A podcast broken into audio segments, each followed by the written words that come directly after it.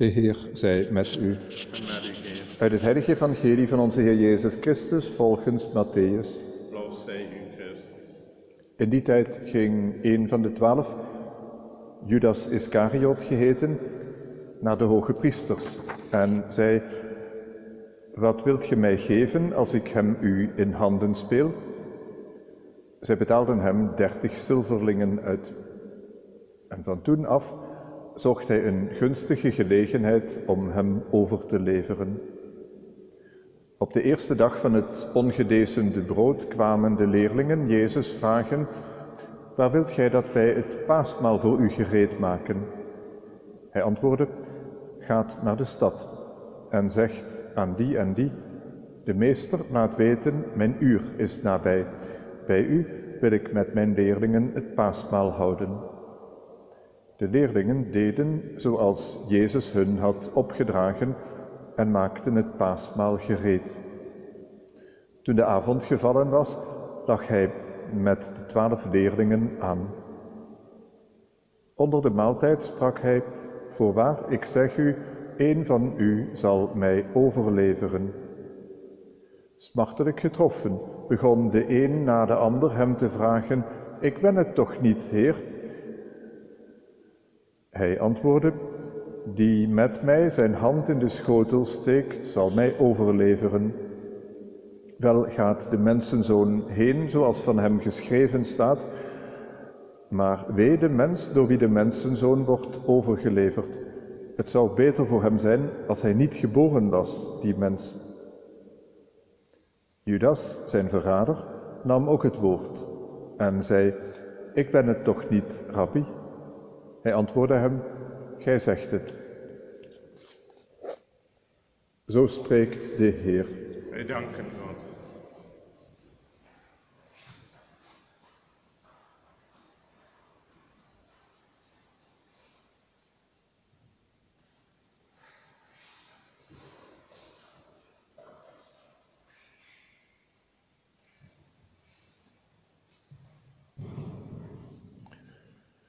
Voor geld is alles te koop.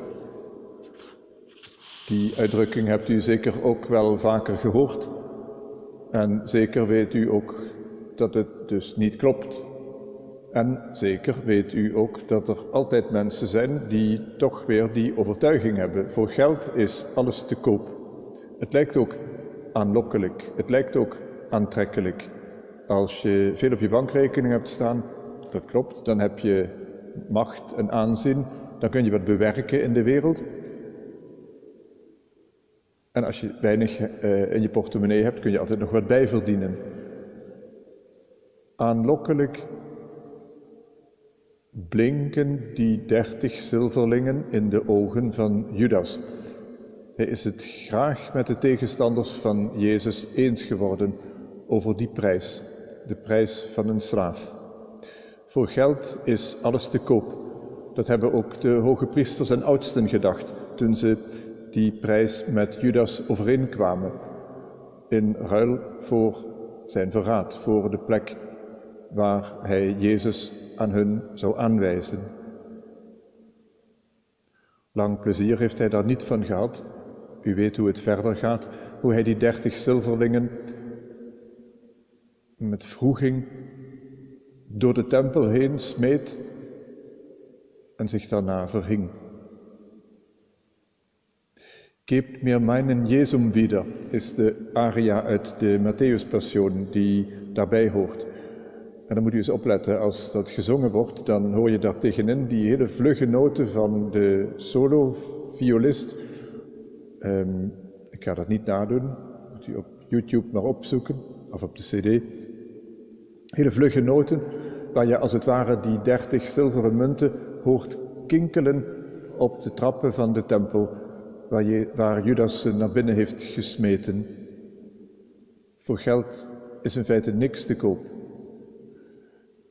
Jezus koopt ons vrij op Goede Vrijdag, niet met geld, maar met de prijs van zijn eigen leven. Jezus deelt zichzelf uit in dit sacrament van de Eucharistie, dat we over heel de wereld vele delen van de wereld op dit moment zo moeizaam kunnen ontvangen. Jezus deelt zichzelf uit in het sacrament van het doopsel, waardoor de kerk van God voor ons opengaat. Jezus deelt zich uit in het sacrament van de zieken, waarmee hij mensen wil sterken. In feite hadden we hier niet moeten zijn, hier in deze kerk. In feite hadden we met velen nu in de kathedraal moeten zijn, want op deze avond zegent de bisschop de nieuwe oliën die we gebruiken voor die sacramenten, waarin Jezus zich zomaar uitdeelt, zomaar weggeeft. Dat wij meer oog krijgen voor datgene wat ons altijd gratis, zomaar door God in handen wordt gegeven. Dat we mogen leven in een geest van dankbaarheid en geloof. Daartoe bidden we.